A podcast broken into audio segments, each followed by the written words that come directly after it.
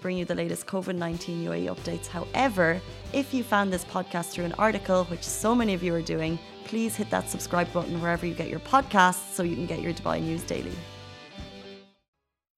Good morning, everyone. Happy Sunday. How are you doing? Welcome to the Lovin Dubai Daily, where we take you through, through the top stories that everyone in Dubai is talking about.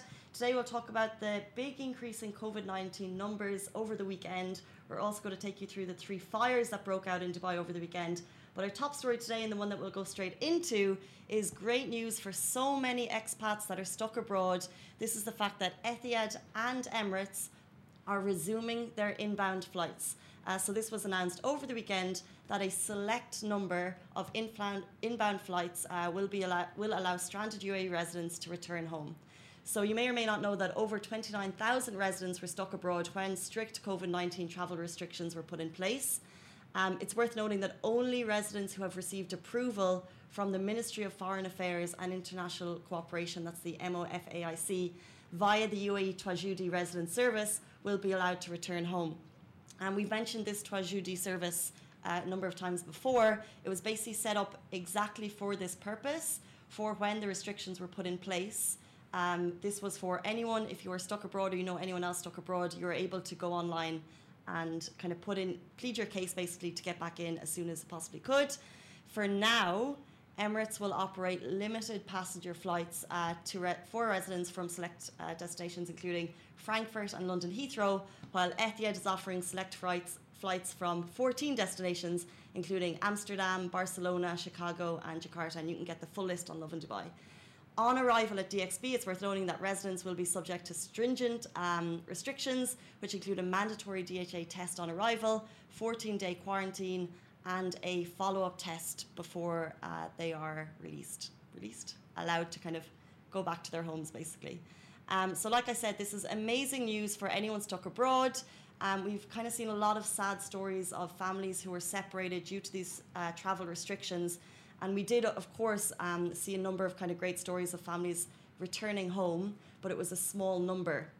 And this kind of uh, release is thanks to the huge work, um, amazing efforts by authorities and also the airlines, of course, that is going to allow more people to return back. Um, so we'll hopefully see a lot more good news stories over the next couple of days. Um, but I know that this is going to be a huge relief because I think what was happening is that um, emergency cases maybe young family members uh, were allowed to travel back in, and this is kind of the kind of wider um, opening up of UAE residents, which will be who will be allowed to return home. Um, so great news for anyone stuck abroad. But we'll move into our next story, which is three fires were reported in Dubai this weekend. You probably saw the videos. Uh, one was a high-rise building that's under construction in Business Bay. It caught fire on Saturday afternoon. A warehouse in Umm Ramool near DXB Terminal 2 caught fire on Saturday morning. This blaze actually could be seen from miles away. You probably saw it or saw the videos online. As confirmed by the Dubai police, the fumes were actually coming from a warehouse in Umm Ramool, uh, which is, I think, is behind the Aramex office, if you know that one.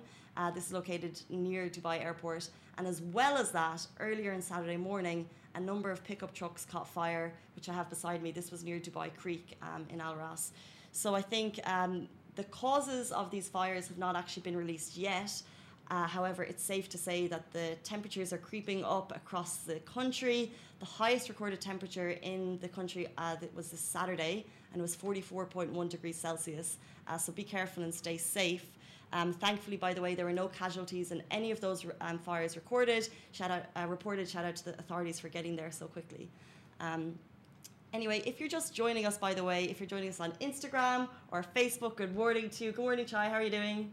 I'm good. How are you, Casey? I'm good. And we're also going live on Instagram. So if you're just joining us on Instagram, this is new to us. So if you have any thoughts or feedback, let us know in the comments. We love to read them after. I'll flick on the Love Lovin Facebook Live also so I can see if you have any questions or comments. Just by the way, uh, it's very warm in the Lovin Dubai office. We came to chai, it's just like sweating. I have a fan here because we came in and the AC in the entire building is broken. They're working on it. They said it'll be fixed later today, but it's toasty. It's very toasty. I'm already toasted. um, but we'll move on to our final story. This was uh, the latest COVID 19 numbers in the UAE were announced on Saturday. So 624 new COVID 19 cases were announced uh, taking the total number of cases to 17,417. That is actually the biggest increase in numbers over a 24 hour period um, so far reported in the UAE. There were 11 deaths recorded on Saturday, which takes the number of deaths to 185, and also 458 recoveries, bringing the total number of recoveries to 4,295. This is also the biggest increase in recoveries in a one day period. It's worth noting that 33,000, over 33,000 tests have been carried out in the UAE in the last number of days. So, of course, the UAE is, has a national screening program uh, trying to get a huge number of people tested. We're up there with the largest tests in the world. Um, so, of course, that does lead to more infected cases. Before we leave you, as always, we bring you our isolation diaries. Uh, this one made me laugh so much. Uh, the isolation diaries, please send them to us as you're still at home. We know that so many of you are still isolating. 30% of the workforce is back, so we are back in our office, but so many of you are still at home. And if you've taken a funny video, maybe you think it's funny and you think other people might find it funny, please share it with us on DMs, in the comments, or wherever we can find them.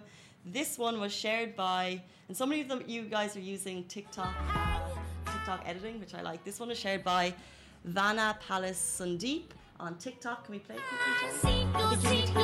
those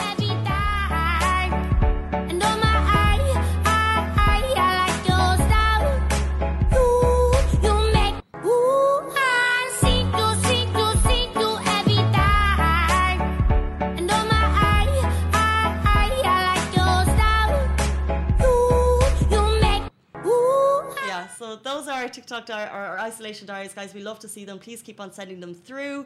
Just checked. I have a couple of questions on the live on Facebook. Thank you for sending them through, and good morning to you all. Viola is saying what country is scheduled for outbound flights.